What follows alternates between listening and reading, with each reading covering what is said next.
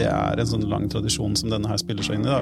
Disse menneskene som blir ekskludert fra visse deler av majoritetskulturen pga. Av, av opphav og utseende. Da blir liksom da den, den kriminelle økonomien blir en måte å liksom etablere sin tilstedeværelse da, i kulturen, på sine egne premisser. Midtskill, kebabnorsk, Nokia-telefoner og transmusikk. I den nye NRK-serien Flus blir vi tatt tilbake til 1999 og til et Oslo preget av rivaliserende gjenger. Serien er løst basert på oppveksten til Josef Voldemariam, kjent fra gruppen Madcon, og han har skrevet denne sammen med Michael Samuelsen, som han tidligere har jobbet med på serien Kongen av Gulset. Velkommen til Morgenbladets filmpodkast. Jeg heter Viviana Vega, og med meg i studio i dag har jeg Aksel Kielland, hei. Hallo. Og Ulrik Eriksen, hei. Hei, hei. Først må jeg bare si, jeg var 15 år i 1999, og jeg vokste opp et steinkast unna Oslo øst, og jeg har aldri hørt ordet flus før nå. Jeg må innrømme at jeg heller ikke hadde hørt det før. Jeg visste ikke hva det var. Jeg har hørt det de siste årene, men det, noe, det var ikke noe jeg visste hva var i 1999. Nei. Det betyr jo penger, da. Spenn, grunker etc. Jeg vet at det dukker opp uh, i Sejan Sjakars uh, 'Tante Ulrikkes vei'. at Der er det jo til og med en ordliste visstnok som forklarer begrepet. så de fleste som har lest den, har jo fått det med seg. og så er det vel også en del av Karpe-sang, så vidt jeg også vet. så det har på en måte fått plass i populærkulturen de siste årene. Men fra 99, da denne serien er fra, da visste jeg ikke om det. Det er helt sikkert. Men hva handler flus om, bortsett fra flus, Aksel? Det handler om en ung mann som heter Babs. Uh, som bor med moren sin oppe i Ekebergskrenten, ser det ut som. Uh, og som har venner som er ganske tungt inne i kriminelle gjenger. Og så tar han og noen av de noen dumme avgjørelser, og så havner han da i skvis mellom disse gjengene og skylder penger og ja, liksom det vanlige i den gjeng- og gangstersjangeren. Ja, men er det, er det, en ren sånn gangsterserie, eller er det mer drama, komedie? Ja, det er jo en blanding. Eh, men eh, sjangeren er også litt i blanding. Den henter en god del fra mafiafilmer som f.eks. Goodfellas, som er tydelig inspirert av i filmspråket, eh, delvis. Og, men også mer sånn gangsterkomedier som vi kjenner fra de siste 20 årene. Fra Lockstock and Two Smoking Barrels til Tomme tønner i, i Norge, liksom. Og der er konseptet at du går ganske raskt fra eh, det komiske til det alvorlige, og, og, man er litt usikker på når det ene begynner og det andre slutter, og så er det et spill der. Det gjelder både rollefigurene, men også handlingen.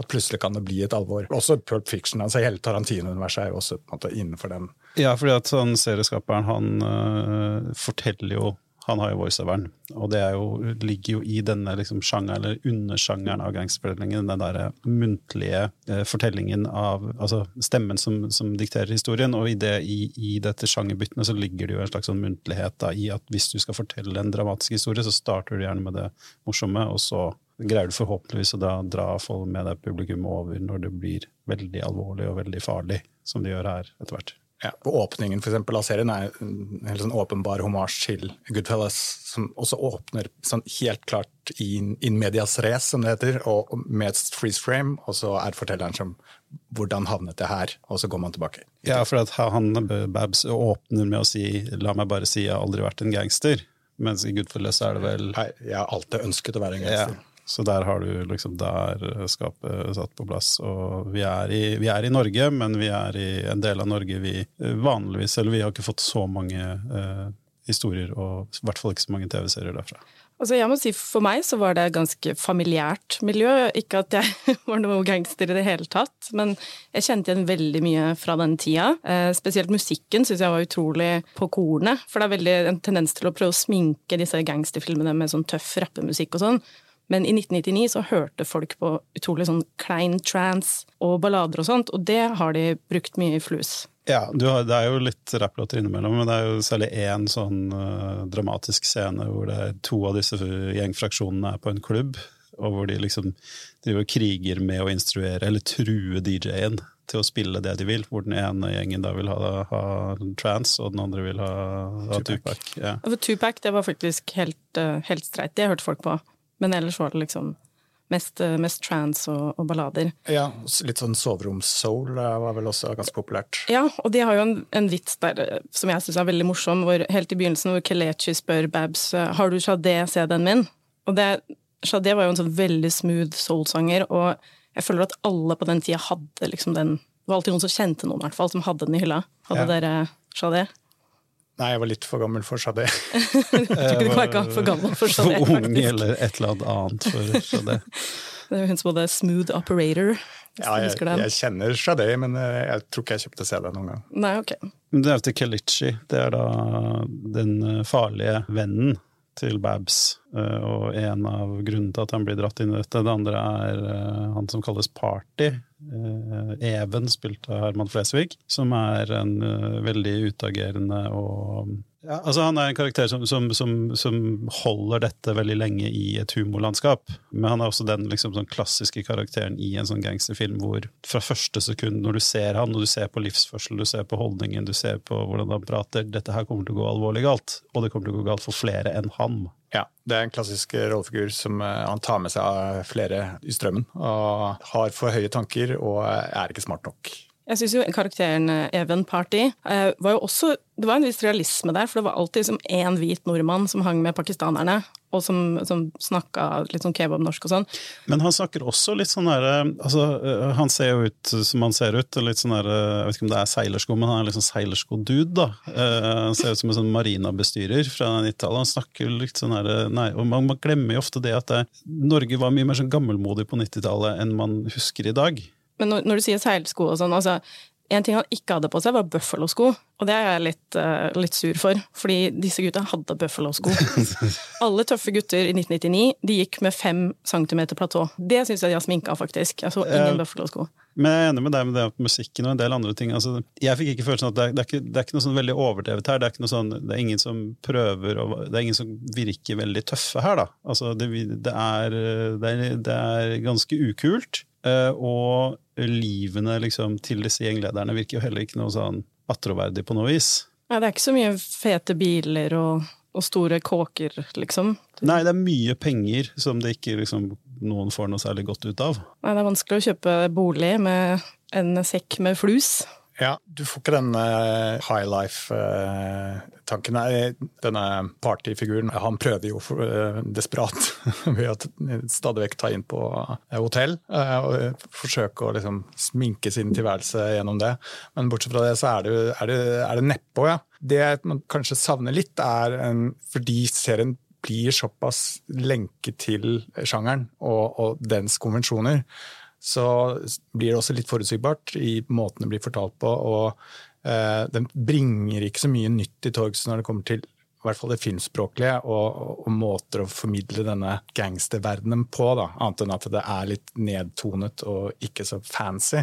Dette har vi sett før. Det slår opp litt åpne dører. Ja, dopdealer som går dårlig etc. Det er jo strengt tatt ikke noe nytt. Ja, og også måten det er klippet på, med litt sånn voff, voff og, og ja, Freeze frame, freeze som du nevnte. Veldig klisjé. Og liksom raske brudd og ja.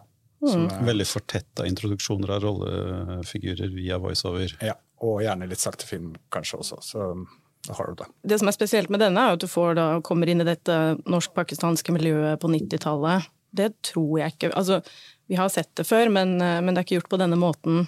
Nei, det er i hvert fall ikke gjort i så lett og lett tilgjengelig underholdning, da.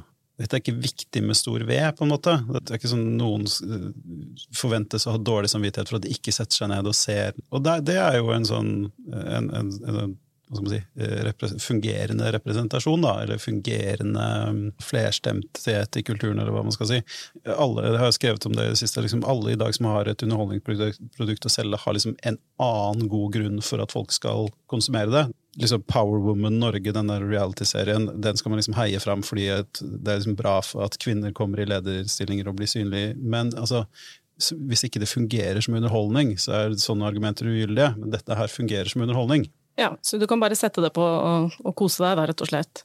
Og så får du litt innblikk da, i et, en kultur og et miljø som ja, man kanskje ikke har sett før. Ja, og en tid som mange har, husker og, og, og, i hvert fall har hørt om. altså krigen mellom A- og B-gjengen og, og, hele den konflikten der, som, som filmen, nei, serien hele tiden uh, viser til, og, og har klare uh, referanser til uh, gjennom både rollefigurer og historie.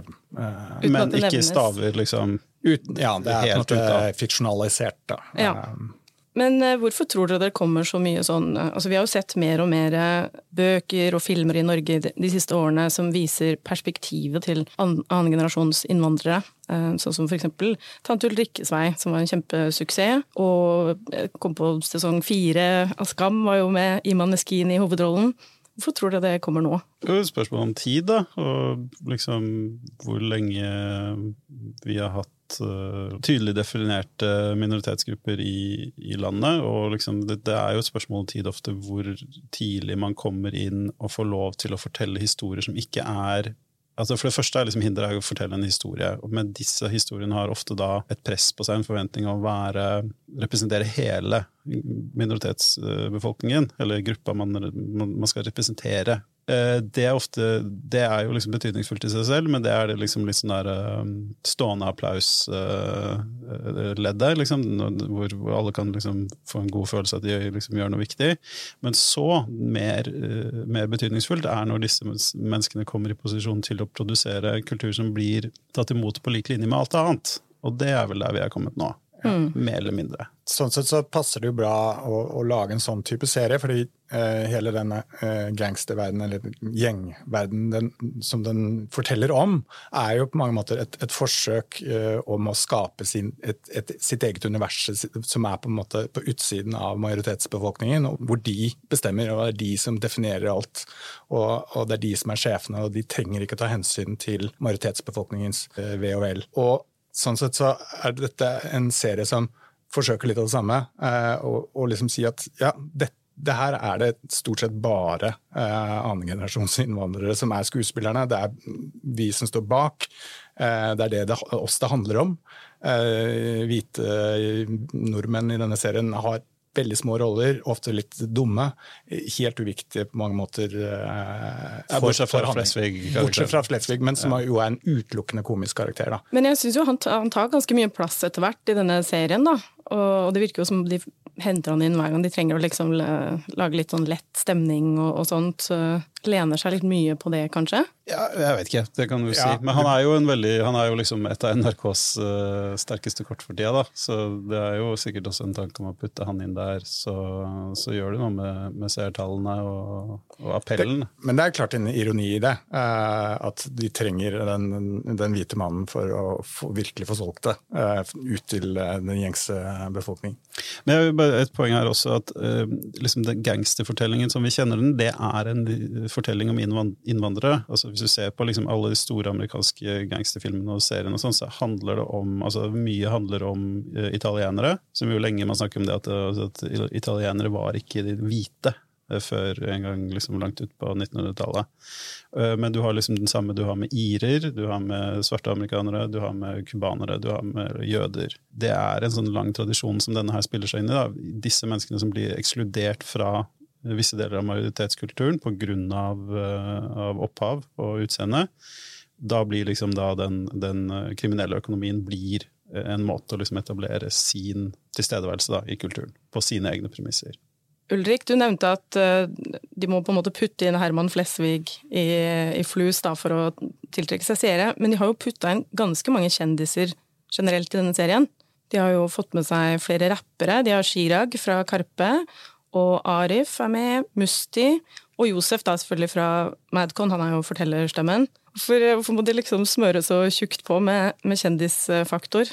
Altså, på mange måter så kan du si at det, det er øh, å si samtidig se, hva, se hvor langt uh, vi har kommet. at Vi definerer populærkulturen i Norge nå, uh, på mange måter. Uh, så det er jo et, en maktdemonstrasjon sånn sett. Å si liksom nå er, ikke, nå er det ikke vi som kommer krypende og, og spør pent om, om vi kan få lov nå er det vi som Dere kommer til oss. Det er vi som er mainstreamen nå. Det er vi som er mainstreamen, det er vi som selger, det er vi som skaper det som folk har lyst på. For det er jo et relativt nytt fenomen i Norge, mens i USA har de jo hatt sånne rappere på film i alle år. Ja, og så er jo den gangstersjangeren er jo en veldig Den egner seg for veldig typete typer, da. Det ser man jo i hele, hele liksom, historien. Altså, det er jo litt sånn eh, ofte karikerte folk, men, eller, eller, folk bare med en sånn naturlig og tydelig karisma. Så, du, så det er en sjanger det egner seg å putte liksom, eh, ikke-profesjonelle skuespillere inn i. Selv om jeg syns særlig han uh, Chirag gjør en god jobb her. da. Han liksom, ser han koser seg òg, men han holder det veldig nedpå. Uh, så spiller liksom den, den ansvarlige uh, gangsterbossen. Jeg syns også lillebroren hans, er det Asim eller Wasim? Jeg husker ikke, Wasim var vel eldst og Asim yngst. Jeg tror omvendt. omvendt. Han er også veldig morsom karakter, syns jeg. Veldig gjenkjennelig. Veldig sånn tøff i trynet. Så det er, det er, veldig mye humor her, bare i de samtalene de har over bordet, eh, som er litt sånn Tarantino-aktig, da.